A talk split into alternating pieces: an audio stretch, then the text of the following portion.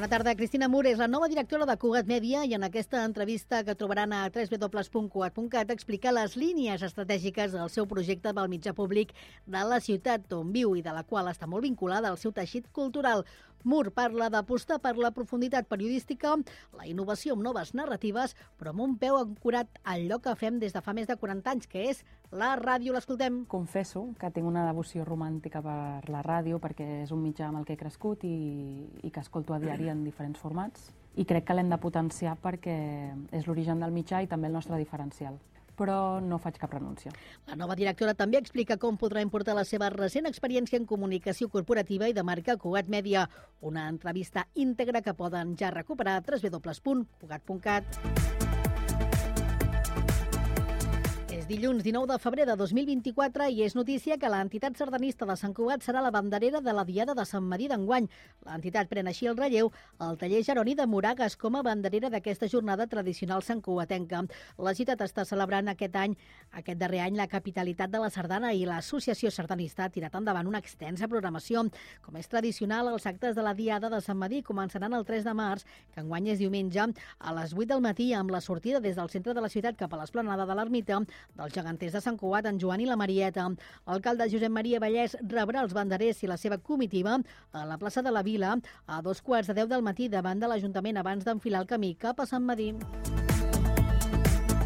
El conseller d'Acció Climàtica, David Mascort, ha explicat aquest matí a TV3 que treballen en un cens de refugis climàtics de cara a l'estiu i ha apuntat que aquest cens podria incloure piscines municipals. Això permetria a la pràctica estudiar que les que es consideren que funcionen com a refugi puguin omplir-se. Actualment el pla de sequera prohibeix el reompliment de piscines als municipis que estan en emergència. En aquest sentit, Mascort ha recordat que si l'estadi d'emergència es manté a nivell 1, no es podran omplir piscines i que cal posar-se al cap que no hi ha aigua. També mateix ha deixat la porta oberta que es pugui fer en casos concrets. I l'equip femení del futbol sala Sant Cugat ha tancat la primera volta amb victòria en tots els enfrontaments com a locals, que la situa a la part alta de la classificació. El partit d'aquest diumenge, corresponent a la tretzena jornada de la Divisió d'Honor i que s'ha disputat al pavelló Florestà de Can Llobet, han golejat el Morell per 7 a 2. La primera part amb 6 gols de les vermell i negres pràcticament han sentenciat l'afrontament contra les tarragonines.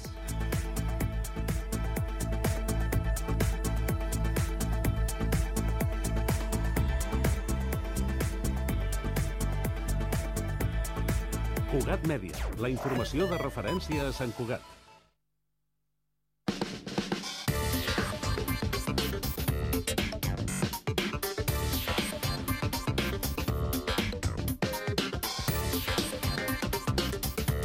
Cinc de la tarda, 3 minuts, inici de la segona i última hora d'aquest Connectats de dilluns. Anem amb la informació de servei, comencem pel trànsit. Roger Serra, bona tarda.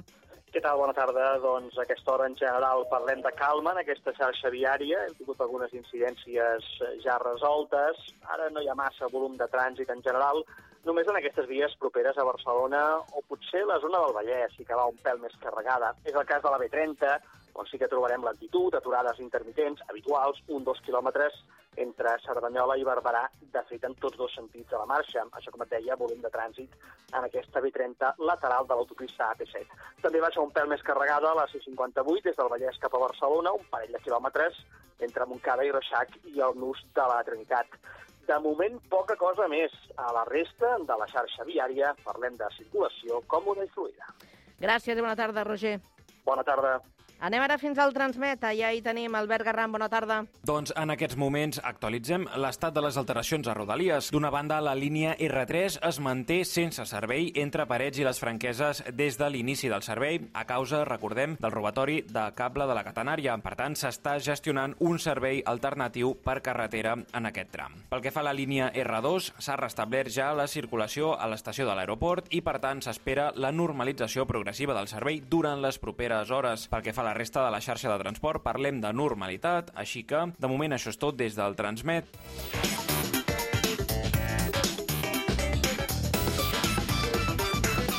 A la tarda no et desconnectis. A la teva ràdio local, connectats. Can't touch this. You can't touch this.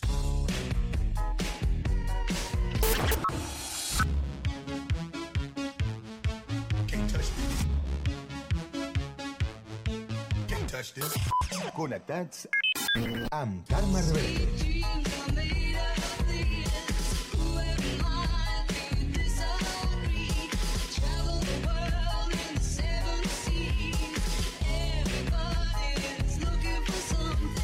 Connectats.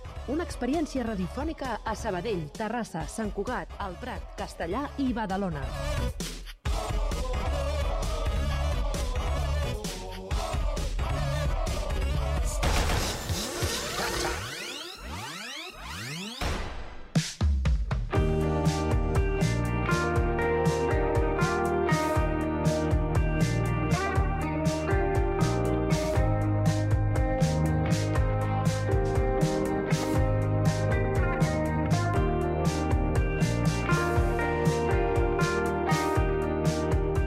I ara ens n'anem a Castellà del Vallès perquè allà ens presentaran la Sandra Galera. Ella està viatjant amb la seva autocaravana per tot Llatinoamèrica. Li preguntarem quins llocs ha visitat, quins li queden pendents i com és viatjar amb la família al complet. Molt bona tarda, Jaume. Crec que ja la tens al telèfon, oi?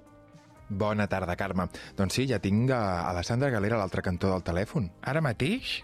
Des d'on des d'on ens agafes el telèfon? Ara mateix estic al Cala, el Calafate, es diu, que està al costat del Parc Natural del Glaciar Perito Moreno, que és una de les meravelles més increïbles del món. I això està a Argentina. Això és Argentina. Però bé que no sé si algú no ho coneixia. Al sud, Això, això està... al sud d'Argentina. Sí, Pot ser que ahir anessis a visitar-lo, no, el glaciar? correcte. Com va ser? Impressionant. Per, Impressionant, impressionant. per als, per als dones compte de que realment és, és cert que, pues això, que hi ha un escalfament global, no? I escoltes com esclata el gel i com cau al terra, no? Ai, ca- cau al mar, bàsicament al mar, al, al llac que hi ha davant, Mhm. i com, quan fa aquell soroll és que et quedes no, com dient ah, què està sucediendo? Potser també és un fenomen, diuen, que, que no deixa de ser natural, però crec que algú tenim, tenim a veure. I això també per la nena ha estat, ha estat bé d'explicar-li, no? I de que ho pugui veure i, i escoltar. Ll- Llavors, una mica pels, per tots els oients. Estàs viatjant amb tota la família, perquè has dit la nena, estàs, vi- esteu viatjant quantes persones? Sí, som tres. L'Àlex, que és el pare, uh, la nena, la Dita, que té ara 4 anys, farà 5 al març, i jo, els tres amb una autocaravana. Anem una autocaravana petita. Quan veu començar aquesta aventura? Tot això va començar al novembre. Vam enviar la nostra autocaravana a Bèlgica i nosaltres després vam agafar un altre vaixell des de Barcelona fins a Buenos Aires.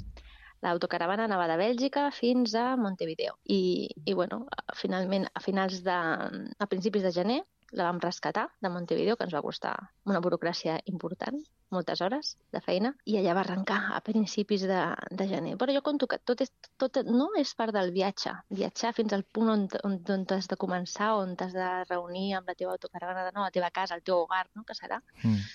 Tot forma part de, de l'experiència, del viatge, de, de l'aprenentatge. No? No sé, des de que fas un peu fora de casa ja, ja estàs viatjant. Sí, correcte. I com neix aquesta idea de fer un parèntesis vital i dir ens dedicarem a viatjar? Sí.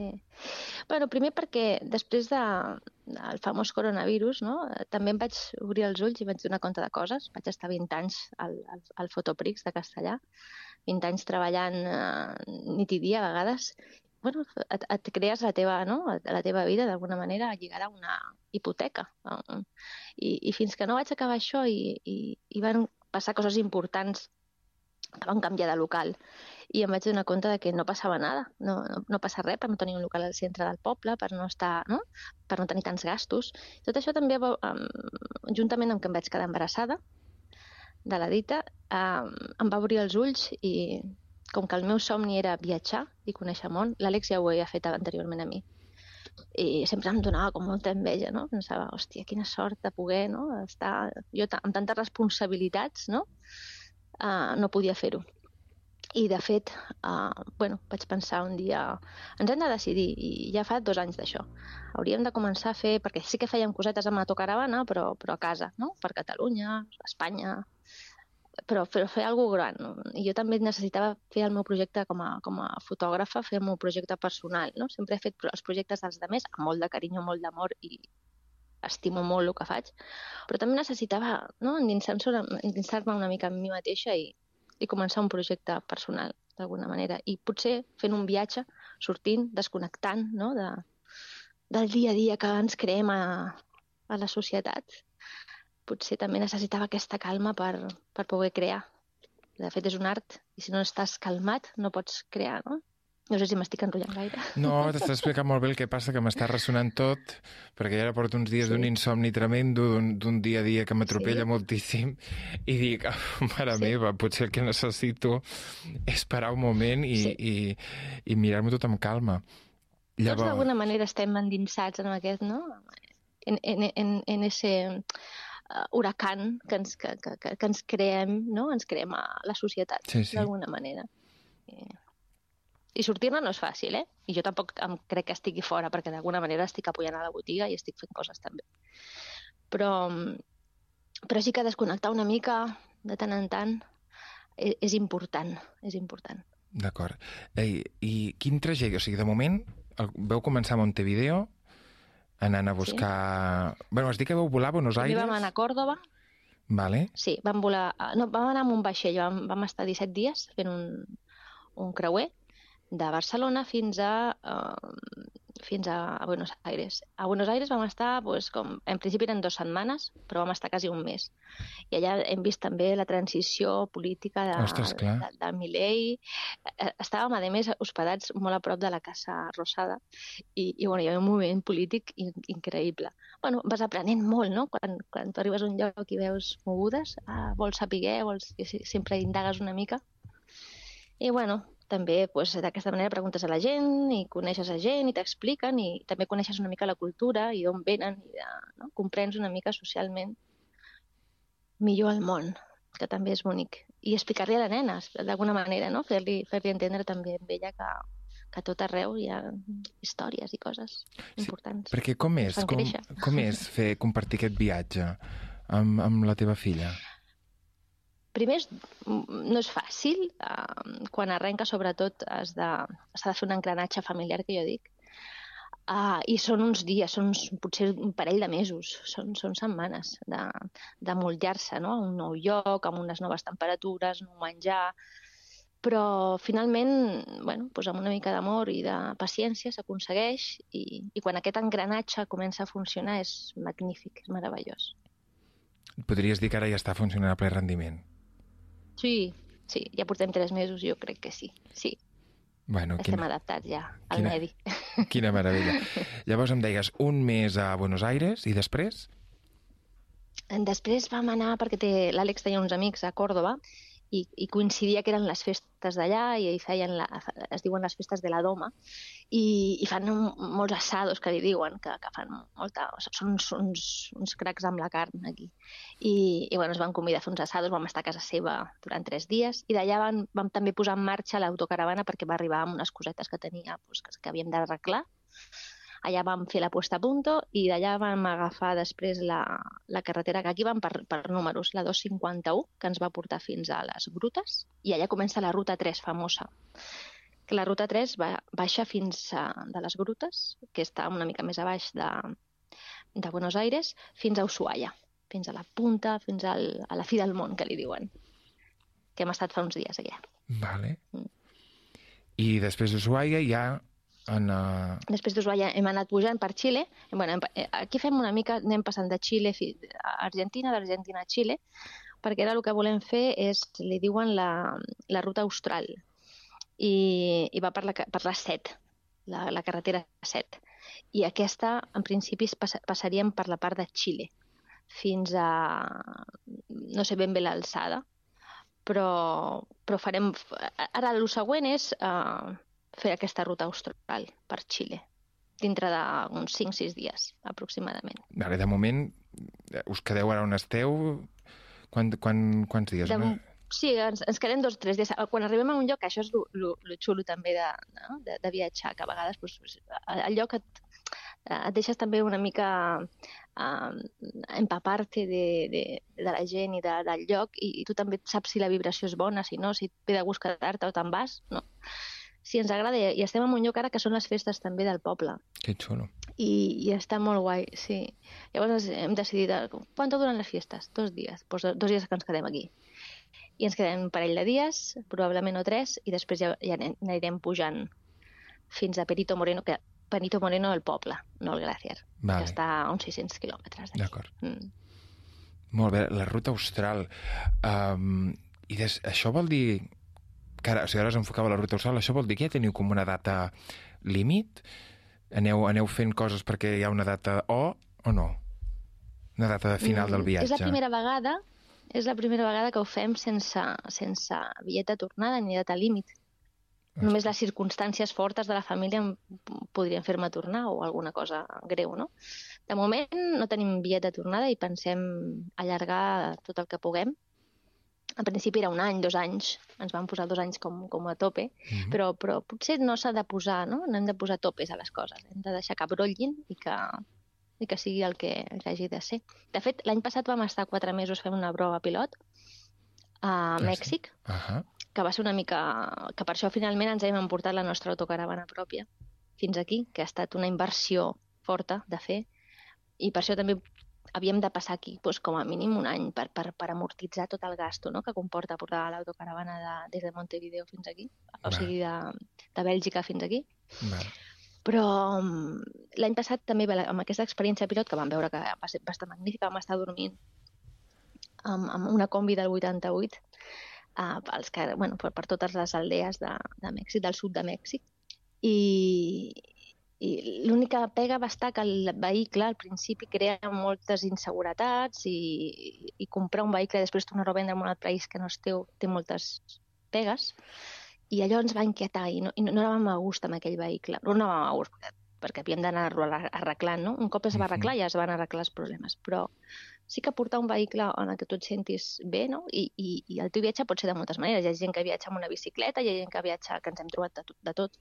Gent que viatja caminant o amb el seu cotxe, però t'has de trobar a gust, perquè si no, això, mm, aquest engranatge que et comentava abans trigarà més temps, no?, en arribar, d'alguna manera. El projecte, el teu projecte com, com a fotògraf, has dit que estàs... O sigui, què tens pensat fer durant Sí. el viatge? Clar, jo, jo est... ara estic recopilant, no? Com vaig fer a Mèxic, vaig recopilant tot d'imatges i de- d'històries que vull donar forma... En, en principi era un, per fer-me un blog, perquè tampoc volia... Molta gent m'havia demanat, i em demanen eh, pel camí està un Instagram o... De moment no tinc ganes de, de perdre aquesta intimitat que tinc, no? d'alguna manera Mm. i, i, i no posar-me tampoc un, una obligació de tenir que explicar no? cada dia o cada X dies. Vull ser una mica lliure en aquest sentit de moment. No sé què succeirà en un passat, ai, en un futur, però, però de moment vull, vull continuar així. I, i he pensat fer un blog, perquè el blog queda per mi, queda per la meva filla, no? és una manera també d'explicar a través de les meves fotografies una mica l'experiència. I, i encara no ho he tret, vull dir que primer haig de recopilar aquesta informació, donar-li forma i veure com jo ho trasllado no, al meu blog. I quan ho tingui sí que, d'alguna manera, la- tothom que quan ho tinguis em, em, em passes, no? Seria viatjant amb dita, d'alguna manera, no? És simple, és simple. Viajando con dita, és, Ens ho és apuntem. l'experiència, Mhm. explicar. I, Molt bé. Escolta'm, I bueno, no sé, després ja, ja, ja, ja, ja es donarà forma a les coses. Tampoc vull, amoïnar-me amb això ara, no? Digue'm, digue'm. Sí, fins ara, o sigui, de tot el que has viscut fins ara de, en aquest viatge, què diries, quin aspecte diries que és el que t'està enriquint més? La, les lliçons d'humilitat de la gent. O sigui, jo no necessito res, perquè et porto tot a la meva casa rodante, però em paren, em venen a buscar per dir-me vine a casa meva a dormir, deixo el meu pati, necessiteu aigua, el que necessiteu. Hi ha molta gent humil i, i, i bona, no? que, que a vegades quan estem amb, doncs això, amb la roda, que dic jo del dia a dia, mm, i, i amb les pors a vegades de, hem après a, també a, pe a perdre les pors no? dels prejudicis no aneu a Mèxic perquè era molt perillós, no? Era com, te vas a llevar a tu hija ahí, estàs loca. pues jo he dormit, ja et dic, al carrer, amb una combi i feliç. I a més em, em convidaven a...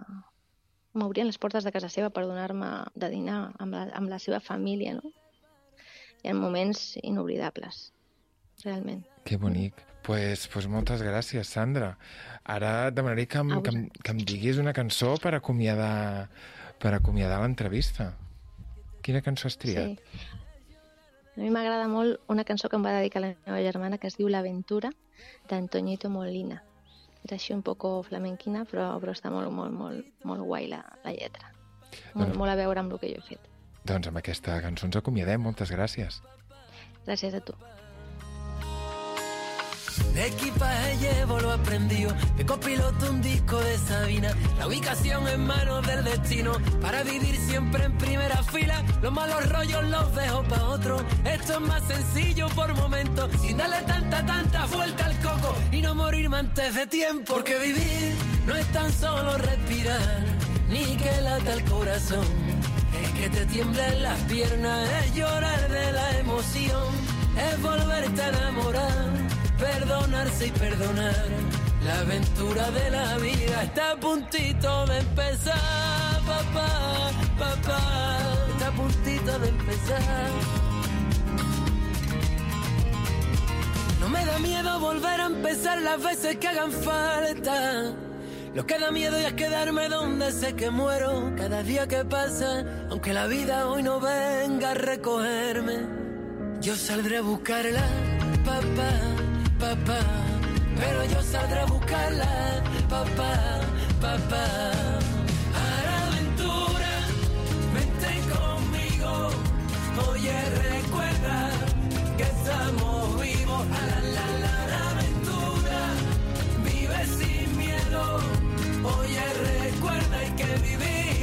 besarme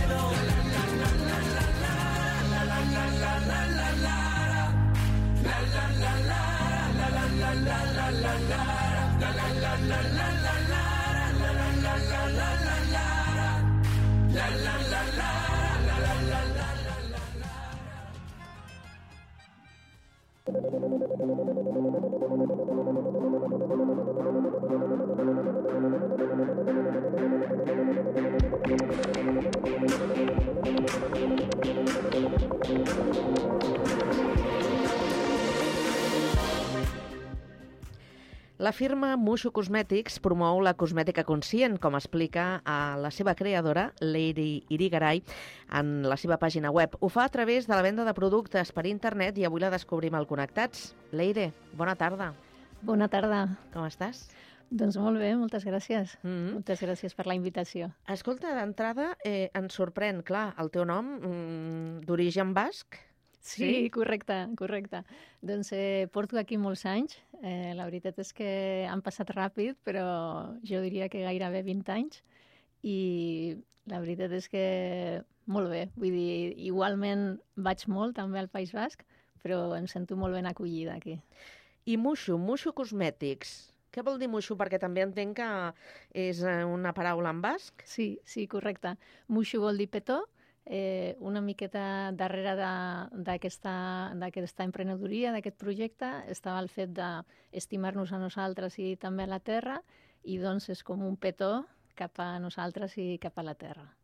Um, quan fa que està funcionant Mushu Cosmètics? Doncs eh, vaig començar al novembre de fa dos anys i tres mesos, més o menys, i, i des d'aleshores eh, sí, estic, estic en el projecte eh, com està funcionant en aquests dos anys? Ja, ja pots valorar una mica, no?, sí. com estan anant les coses? Mm. Doncs eh, la veritat és que estàs en un camí una miqueta més lent del que m'hagués agradat. Eh, tenia les expectatives potser de que, de que donant-me donant a conèixer en diferents canals que he utilitzat doncs, eh, donarien fruits més ràpidament, però realment està sent l'evolució una miqueta més lenta, sí. Quines dificultats estàs trobant? Doncs, eh, per una banda, Mushu Cosmetics és una botiga virtual. Eh, aleshores, eh, clar, al, al, a internet jo crec que són moltes botigues que transmetem el tema de, de la cosmètica natural. Eh, pot ser no conscient com, com ho entén Mushu Cosmetics, però sí que, sí que hi ha ara mateix força, força oferta i aleshores és difícil trobar una miqueta i arribar al públic objectiu d'una manera tan fàcil. Doncs eh, no érem conscients que hi hagués tanta competència en aquest sector a, a internet. De veritat són tantes? Sí, la veritat és que això és un punt molt positiu i és d'alegrar-nos perquè realment passar-nos d'una cosmètica tradicional amb tots els ingredients nocius que, que té a, a passar a la cosmètica natural realment és un salt molt gran i molt important i, i bueno, per, per el nostre cas, el de Muxi Cosmètics, que a part valorem el tema de que sigui de proximitat, que sigui residu zero, que sigui sostenible, doncs eh, per, per nosaltres ja seria com, com donar encara un, un salt més enllà. I aleshores, com us distingiu de, de la resta? Quina és la vostra singularitat dins de tot aquest eh, panorama? Exacte, la nostra diferenciació seria nosaltres eh, veiem eh, que, que la cosmètica natural està cada vegada eh, més entesa i més estesa eh, entre el públic i que cada vegada ho valora més i entén la diferència entre la cosmètica natural i la tradicional, però nosaltres voldríem anar més enllà i dir, molt bé, però volem que sigui un producte bonic per dins i per fora, amb la qual que sigui o bé sense envasos, que sigui una cosmètica sòlida, o que sigui en envasos reutilitzables, evitant sempre el plàstic, doncs en vidre o llauna o... Uh -huh. Explica'ns una mica on comença la història i com comença la història de, de Muxo Cosmètics. Ara que parlaves de plàstic, crec que va per aquí una mica la història. Sí, correcte. Doncs jo portava eh, professionalment treballant en una empresa eh, de fabricació de, de productes plàstics 11 anys, aquí a Catalunya. Eh, clar, en SEM ara eh, varen començar a fer una miqueta doncs, eh, la, la reflexió respecte a la part alimentària, de, de quina alimentació voldrien que els nostres fills i filles eh, prenguessin, i després va venir una miqueta també la reflexió de cara a la part cosmètica, perquè la cosmètica, encara que siguin productes que, que els utilitzem externament, després penetren a la nostra pell i aleshores eh, tots aquests eh, ingredients nocius que té la cosmètica eh, de la indústria cosmètica doncs eh, realment eh, ens fan molt, molt mal uh -huh. a nivell cancerigen, a nivell de com a disruptor endocrins i, i bueno, aleshores eh, una vegada estava treballant allà a l'empresa vaig començar amb tota aquesta reflexió, vaig fer un curs de cosmètica natural i una cosa em va portar a l'altra i i em vaig adonar que no podia continuar allà, perquè, perquè aleshores no estava sent com realment fidel als meus pensaments i vaig decidir fer el canvi. Uh -huh. eh, abandones, diríem, la, la teva feina i emprens aquesta aventura de, de Muxo Cosmètics. Ho fas en solitari? Sí, realment, eh, darrere de Muxo estic jo, però he tingut moltes col·laboracions, eh, he tingut un equip de creació doncs, de lo que és la marca, el logotip, eh, la web, eh, després també eh, a, a nivell de fotografies, eh, l'aparador era una cosa molt important per nosaltres, volíem que transmetés molt bé el que era la natura i la sinergia entre els productes i, i la natura i, i que fossin realment fotografies atractives i, i bueno, aleshores vaig, eh, vaig col·laborar amb The Artisan Photo Studio, que vaig, va fer unes fotografies eh, precioses.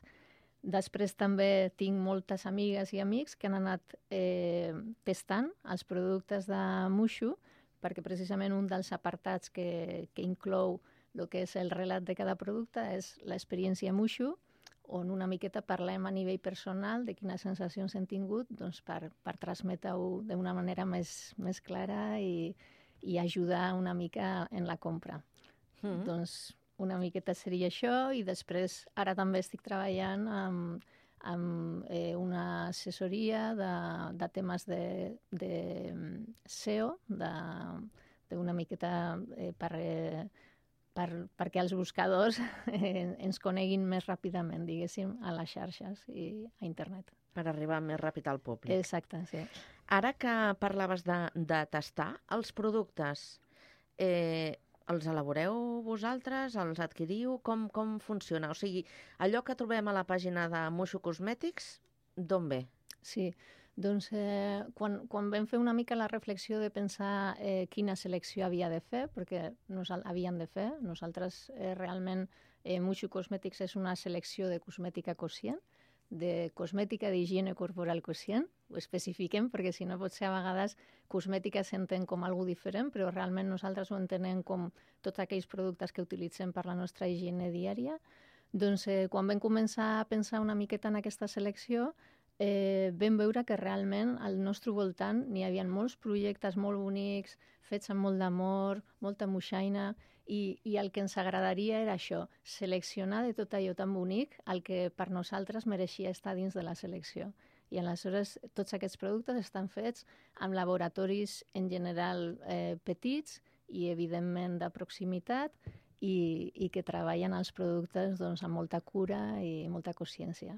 Proximitat vol dir Catalunya o abasta també el territori espanyol? Sí, eh, nosaltres, per nosaltres, hem definit com a proximitat el que és dins del territori espanyol, sí. Uh -huh. eh, decideixes que, que aquesta aventura l'emprens per, per internet. Per què? Bueno, em van semblar un format una miqueta també per la situació en la que jo estava personal i per fer una bona sinergia entre la família, la meva vida personal, la meva emprenedoria, vaig veure que potser era el format que a mi em podia encaixar millor. Uh -huh. T'has plantejat en algun moment, des que vas començar, obrir una botiga física? doncs eh, la veritat és que de moment no, de moment no. El que vaig fent sí és, a lo millor, trobades amb, amb mares, principalment mares, a vegades també he fet pares i mares, però per una mica extendre el missatge, el que faig és eh, trobar prescriptors i prescriptores al meu voltant que si testen els productes i els hi agraden, doncs siguin capaços de transmetre també ells mateixos eh, aquest missatge i, i aleshores el que faig a peu de carrer sí és això, procurar fer trobades, ensenyar-los una miqueta la gamma Mushu, explicar-los i una mica també eh, donar més informació sobre el que és la cosmètica sostenible, la cosmètica per nosaltres conscient. Mm -hmm. eh, quin és el, el client de Mushu Cosmètics? D'entrada podríem pensar que, que està adreçat a, a dones, no? Mm, però però, però què passa? Sí, a veure, jo, eh, el que hem pensat, de totes maneres, és un tema que sempre hem de continuar treballant. De fet, eh, després d'haver fet dos anys de, de recorregut, ens adonem que segurament eh, hem d'ajustar encara més el missatge per saber a on hem d'arribar. Però eh, en principi ens hem adreçat a, a dones d'entre potser 30 i 60 anys, per exemple.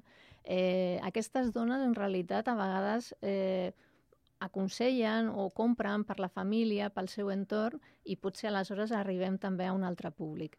Però eh, ja dic que que una miqueta serien persones que estan sensibilitzades amb el que és eh, la, el nostre entorn, el medi ambient, l'impacte que suposen els 120.000 envasos, 120.000 perdó, milions d'envasos de plàstic que genera la, la cosmètica tradicional i, i, bueno, i pensem que aquest és una mica el camí per, per arribar també a un públic més ample.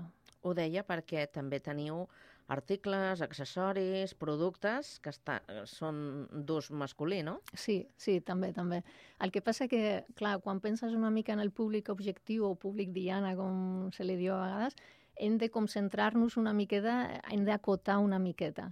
Però, però bueno, tot això eh, ho continuem treballant. Ara mateix també estic dins d'un programa de, de la UOC, de la Universitat UOC, que també una miqueta m'agradaria fer uns passos més endavant i, i treballar una miqueta això per, per enfocar-nos una mica millor. Mm -hmm. Hem parlat molt en genèric, però si entréssim a la, a la vostra web de Moixo Cosmètics, quins productes trobem? Sí, doncs eh, trobem cosmètica sòlida, per una banda, que serien eh, xampús, eh, condicionadors, eh, sabons corporals, eh, també eh, el que és eh, desodorants en crema, Després ja tindríem també cremes facials, eh, accessoris, com són raspalls de dents, eh, raspalls de cabell, pintes, i bueno, raspalls també de... Sí, perdó, ja ho he dit, de cabell i, de, uh -huh. i de, de dents, perdó, sí. I, I després també sí que tenim d'esfoliació, alguns productes d'esfoliació també. Maquillatge?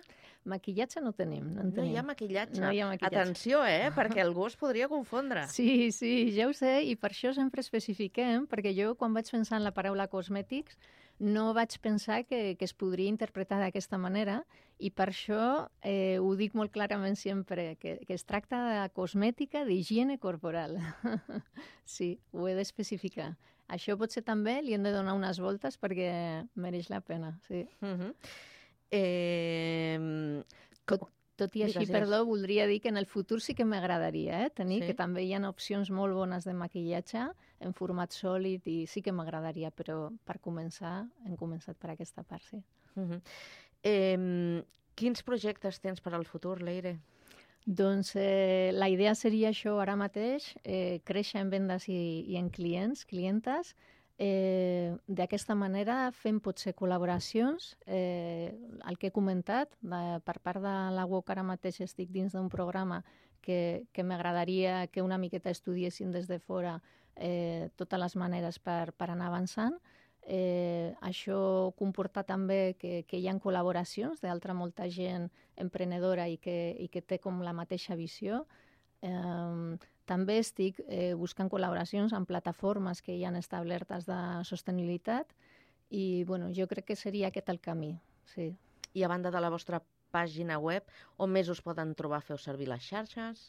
Sí, correcte. Eh, normalment eh, a Instagram, Facebook també, i més endavant sí que ens agradaria entrar una miqueta més a TikTok i sí, eh, a LinkedIn també tenim però poqueta cosa, també ens agradaria donar un missatge més clar perquè trobem que el missatge és molt diferent a LinkedIn i, i a Instagram i després doncs, eh, també, també estaria molt bé obrir un canal de YouTube una mica per, per anar incorporant aquí tota la informació. Uh -huh. Doncs uh, Leire Irigaray, que, que vagi molt bé.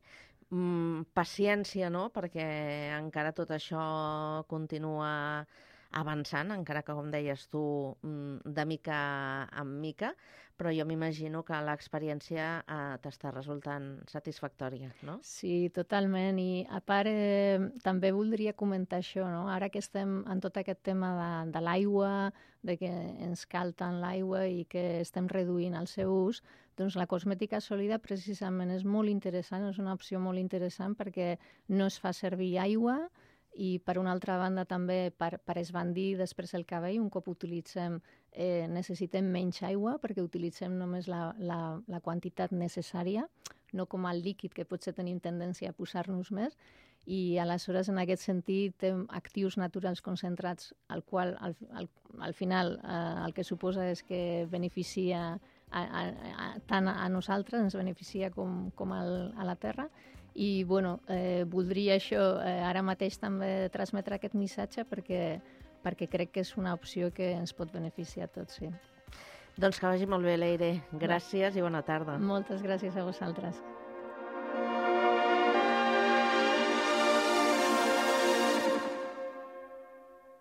Hola, sóc la Marta Gómez del Prat i us recomano molt anar a veure la pel·lícula Pobres criatures de Yorgos Lantimos, que és una experiència molt peculiar, però fa una reflexió sobre l'essència de l'ésser humà de manera filosòfica i molt interessant i, a més, les interpretacions són bestials. És una pel·lícula que ha despertat moltíssimes polèmiques, entre elles eh, amb el col·lectiu feminista, que eh, estan molt emprenyades amb la pel·lícula perquè pensen que és antidona o alguna així, quan en realitat jo penso que és, podria ser una crítica precisament amb, els que, amb la misogínia. Soy Bella Baxter. Soy una persona imperfecta y propicia a los experimentos. Busco excursiones y aventuras. Vela mucho por descubrir. Eres la mujer más bella que he visto jamás. Estar viva me resulta fascinante. ¿Vela? ¿Por qué tenerlo en mi boca si es vomitivo? Voy a pegarle al bebé. Debemos experimentarlo todo. No solo lo bueno. También la degradación. ¿Cantamos? El horror. La tristeza. Así conocemos el mundo. Y cuando conocemos el mundo, el mundo es nuestro. ¡Queremos más! Más no. No nos excedamos.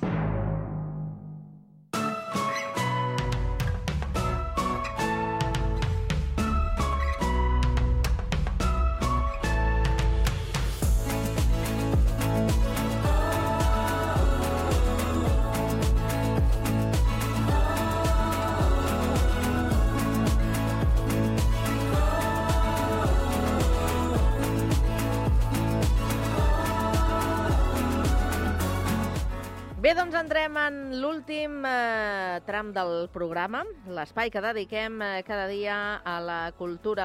I és que aquest dimecres la pretenca Alba Sabater presenta el seu nou llibre La meva història és la història d'un amor, una novel·la sobre la complexitat de les relacions humanes i la necessitat eh, que sentim de ser estimats i d'estimar. Es tracta, de fet, de la setena novel·la de l'autora, que va ser Premi Ciutat del Prat l'any 2013. Per parlar de tot plegat, eh, saludem eh, l'autora, l'Alba Sabater. Molt bona tarda, Alba. Hola, bona tarda. I també saludem eh, la nostra companya Rocío Santa Eufèmia des dels estudis del Prat Ràdio. Bona tarda, Rocío. Molt bona tarda, Carme. Bé, doncs avui parlem de literatura, parlem d'històries, parlem de relacions i parlem d'amor. Alba, aquesta és la teva última novel·la, una publicació, com dèiem, sobre amor, literatura. Eh, què és el que ofereixes en aquesta nova proposta als lectors? Uh, mira, jo amb aquesta novel·la, aquesta última novel·la, em vaig arriscar a parlar sobre l'amor, que sempre és un tema una mica complicat. Sempre mm tens por de vegades de fer una cosa, no? Un tema una mica naïf. Però, però mira, uh, va ser a partir del llibre de l'Estellers, del Vicent Andrés Estellers, que ara es fa justament, se celebra el centenari, eh, que no ho tenia present, el llibre L'Hotel París, que havia llegit de jove i que m'havia agradat molt, i a partir d'aquest llibre vaig dir, va, saps, amb la lectura d'aquest llibre, arrisca't a fer una novel·la sobre aquest tema, sobre el tema de l'amor, que jo diria que és el gran tema de la humanitat, no?, des, de, des que existim i, i aquí estem, amb aquest gran embolic que I tu, tu diries que t'has arriscat? Sí? Jo diria que m'he arriscat, sí. A, a, almenys a nivell personal, saps? Ai, ai, ai, a veure com ho farem, saps? De parlar sobre aquest tema que tothom, tothom, tothom sembla que en sabem, però en el fons no en sabem, o, o vivim submergits en aquest gran tema de l'amor, no?, tota la vida, i sí, jo crec que jo, com a, com a escriptora, eh, m'he arriscat, diria que sí. I té alguna relació amb alguna de les altres novel·les que has escrit fins ara? Eh, Jo, quan penso en les meves novel·les, eh, què diria? Que m'agrada parlar sobre la vida, saps? Mm -hmm. Sobre la vida. La vida. Vivim, creixem, treballem, ens relacionem, patim, som feliços, i jo diria que aquest és el, és el tema, no? una mica la vida i sempre trobar un sentit a la vida. Uh, malgrat que la vida té sempre un costat fosc, no? un costat de patiment, però també té un costat feliç, no? i aleshores m'agrada explorar mi aquesta dualitat. Mm. La resiliència, de vegades, que tenim els humans davant, de, davant del que ens va passant, no? mentre mm. anem fent anys. Sí, sí. De fet, Alba, tu ets escriptora, però també ets professora eh, de literatura d'aquí de, del Prat i precisament això també surt de manifest en aquesta novel·la perquè els protagonistes són professors. Uh, no sé si també és una manera de, de complementar o, o, o de reunir les teves dues passions, en aquest cas. Sí, perquè, mira, jo, ara quan parlàvem fa un momentet d'això del tema de l'amor, jo diria que la novel·la són diferents amors, no? Hi ha l'amor així l'amor entre persones, però també, eh, i això sí que m'agradava, eh, és l'amor a la feina. I en aquest cas, l'amor a la feina d'ensenyar, que és el que em dedico jo des de que era, des dels 24 anys, no? Aquí al Prat, per Salvador Dalí, eh, d'aquí l'institut, mm -hmm. d'aquí al Prat. Eh, jo crec que és una feina, estar sempre en contacte amb joves, sempre en contacte amb la gent que està creixent, ensenyar literatura, no? que també és ensenyar una manera de viure, no normativa, eh? però ensenyar maneres de viure, això també m'agradava en el llibre. Ensenyar l'amor per una feina que crec que és una de les grans feines que hi ha en el món actual, el fet d'ensenyar. De fet, eh, com dius, no parles de l'amor amb aquesta novel·la, però també de la mort. No sé eh, quin és el motiu, per què vas voler introduir també aquest concepte de la mort o fins i tot eh, aquesta mort que, que amb l'amor fa que les coses no acabin, no? Tot i, tot i, sembla, tot i que sembla que, te, que tinguin un final, si hi ha amor, eh, les coses no acaben i no moren. A veure, és que uf, eh, el tema de la mort... Veus, quan, eh, quan em preguntaves abans a veure quin coses que també lliguen amb altres novel·les, jo diria que el tema de la mort també també hi és sempre molt present. La mort, la mort, eh, com un cant a la vida, també. I aleshores també m'agradava això, no?, barrejar una història d'amor amb la mort, però sempre sent un cant a la vida.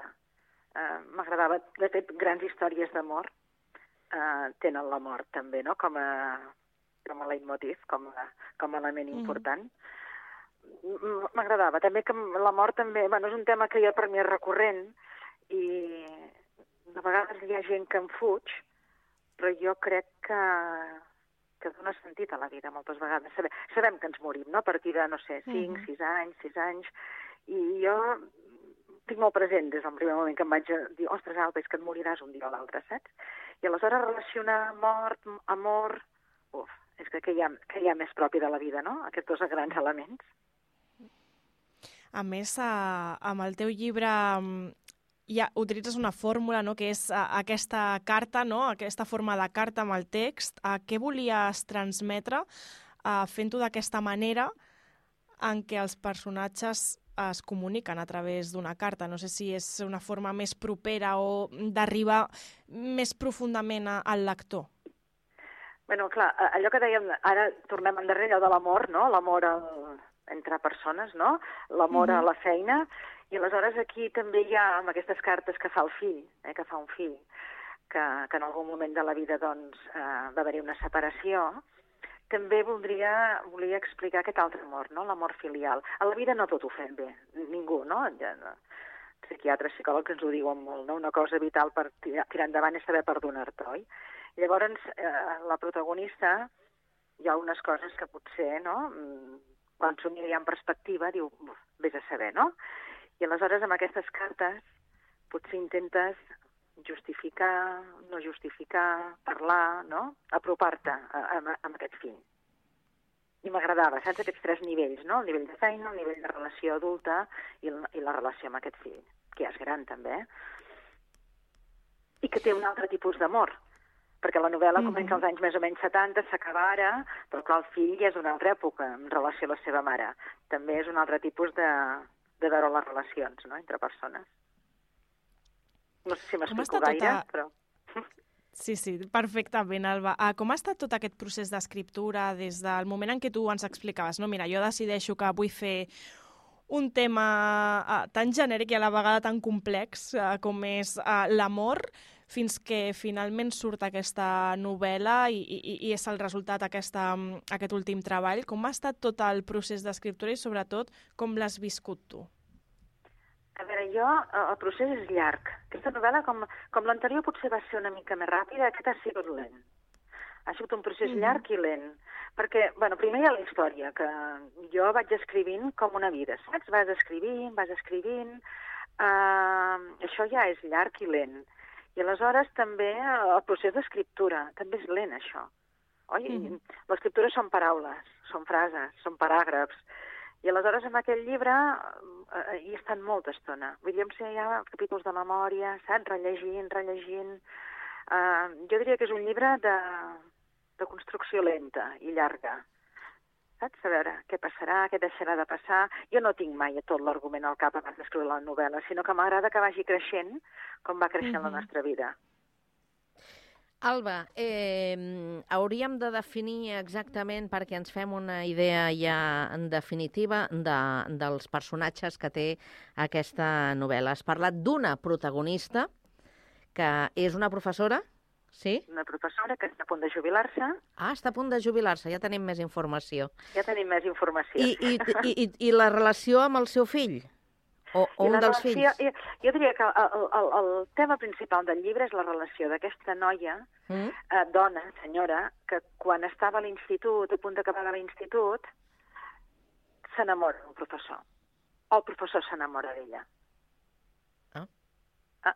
I a partir d'aquí tenim una relació, saps? El professor és més gran que ella, ella està a punt d'acabar l'institut, i a partir d'aquí tenim una... Això que diem al títol, no? La meva història és la història d'un amor. Uh -huh. De l'amor entre aquesta nena noia i aquest professor, al llarg dels anys, eh, que no sempre és idíl·lica, que no sempre estan junts, cap aquí, cap allà, I aleshores allò que et deia, la mort, no? al final, doncs ja... Això seria, eh, potser seria l'eix central del llibre, però a partir d'aquí, aleshores, tens molts altres, doncs, com ramificacions, no? La feina, el fill, eh, algun altre personatge... Però jo diria que el, el, la, la història seria bàsicament la història d'aquesta noia, des de que era eh, 17-18 anys, fins ara que en té 60. Per tant, la novel·la també agafa doncs, un període molt llarg de la nostra història. Està escrita en primera persona, en tercera Primera persona? persona. Primera persona. Primera persona. I juga amb espais, en Girona, en Barcelona, en París, una mica lligant amb l'Hotel París de les Tallers. Uh -huh. Eh, també Mhm. m'agrada això de, de, de barrejar espais, no? Mhm. I, I com t'agradaria que, mm, que impactés, si ha d'impactar la novel·la en els, en els teus lectors? Amb què vols que, que es quedin o què vols que, que, els, hi, que els hi arribi? Uf, això és tan complicat, perquè cada lector, jo que també soc Mm. molt lectora, no? Cada lector hi troba i busca i... No sé, jo diria una història de vida. Una història de vida que podria ser qualsevol de nosaltres. I, saps? Una història com real, no? Que, que intentes tirar endavant. Tirar endavant i estimar allò que deies al començament, eh? Estimar, que és important, Mm. però també saber ser estimat. Eh? Aquestes dues cares de la Mhm. moneda? És, és complicat de vegades això. Eh? La vida quotidiana és complicat. I, I això m'agradaria que... Bueno, I escolta'm una cosa, eh, els teus alumnes acostumen a, a llegir els seus llibres? això és curiós perquè eh, ara, per exemple, que ha sortit a la revista del Prat, entren a... Ei, Alba, que t'he vist a la revista. Mm? Jo diria Mm. que els alumnes, eh, eh, eh, diria, eh, que els hi fa com gràcia, no?, quan veuen això, però em llegeixen més els que són ja exalumnes. Jo diria que mentre estan a l'institut, saps allò una miqueta de... que és diferent. I llavors, en canvi, els exalumnes eh, s'apropen molt més als meus llibres. Això sí que ho he observat així amb els anys. Per tant, diries que està pensat no per un públic tan, tan juvenil com el que podries tenir a les aules, sinó per eh, una edat una miqueta ja més adulta? Jo que et diria que sí. Potser el, el llibre anterior, Les galetes de mel i gingebre, que tenia dos protagonistes més joves, al voltant dels 20 anys, eh, potser sí que aquest seria l'únic que jo penso que podria estar més per gent, no, no, no, no joves joves, però més joves. Jo aquest diria que seria més per un públic més adult, per la història que s'explica. Penso, eh? Penso. El que passa que jo quan era jove podia llegir qualsevol cosa. És que no, això depèn tant del, del lector, de la persona... És, és molt complicat, no penso? Clar. Ara aquests problemes, que se'n parla tant de la lectura, no?, de la lectura amb el nostre jovent. Em fa molta gràcia el tema que abans eh, et comentava la, la Rocío, el de mm, l'aparició de les cartes, no? Quan avui dia Mhm. és una cosa que pràcticament ja no fem servir i és una pena, no? Perquè mm, amb lo xulo que era poder rebre una carta d'algun amic d'un possible amor, qui sap, no? D'un conegut o de... Eh, aquesta sensació que, que donava com una mica més de, de, de, de vida a la pròpia vida, no? Això de recuperar el tema de, de, de les cartes... Això de les cartes, a mi, clar, la gent de la meva edat això ho hem viscut, i hem Clar. viscut la pèrdua de les cartes, no?, Mm. perquè hem viscut quan en fèiem i ara que ja no en fem, ni jo mateixa en faig. Uh, les cartes m'agrada molt el llibre perquè, a més, estan escrites a màquina d'escriure, saps? A màquina d'escriure de les antigues. Sí. Que ara, que ara, de fet, no, ja, la gent jove ja no sap què són aquestes màquines d'escriure. Sí, sí. Aquelles del, del, bueno, del típex, allò amb un paperet, i que té, té una història, la màquina d'escriure que surt al llibre, eh? Mm. Però això també és una cosa que també m'ha agradat, aquesta perspectiva també de que la vida és un, un continuum, no? Ara estem doncs intel·ligència artificial, però venim d'un altre lloc, no? Clar. Això també m'ha agradat, aquesta sensació de, de, de, del pas del temps i com també amb els objectes veiem el pas del temps. Els objectes, els pisos, les... No? També hi ha un, un, sí, també hi ha un peix que es va, va sortint un peix, no? que el peix va canviant, però també... Eh? Vull dir que aquest, aquesta cosa dels objectes, l'entorn, l'espai que t'envolta, això també trobo que no som éssers aïllats, no? vivim sempre en un entorn. Mhm. Sí, sí. Alba, estem a punt d'acabar, però també t'hem de preguntar si estàs treballant en algun altre projecte o a partir d'ara què? Mm, Bé, jo, jo diria que, que per mi escriure és un plaer. Uh, vas fent. A la vida jo diria que vas fent, vés a saber, vés a saber. saps? Al cap sempre hi ha idees i de vegades algunes doncs surten, d'altres no tant, però també és com... eh, Jo sempre ho dic, eh, m'agrada molt llegir, m'agrada molt escriure, és una manera de viure més. No? La gent que tenim la sort, no, no tothom ho ha de fer, no? però la gent que tenim la sort de que ens agradi llegir i escriure, o pintar, o tot el que és el món de l'art, jo diria que eixampla la, la única vida que tenim, no? Mm -hmm. Doncs avui ens quedem amb aquesta proposta. La meva història és la història d'un amor de l'Alba Sabater, que ens ha acompanyat en aquest tram final del programa d'avui. Alba, que vagi molt bé, una abraçada. Moltíssimes gràcies. I esperem el, pro esperem el pròxim treball, d'acord? Perfecte, moltíssimes gràcies. Adéu-siau, bona tarda. Adéu, bona tarda. Rocío, fins a la propera. Molt bona tarda, Carme. Que vagi bé, bona tarda, adéu-siau.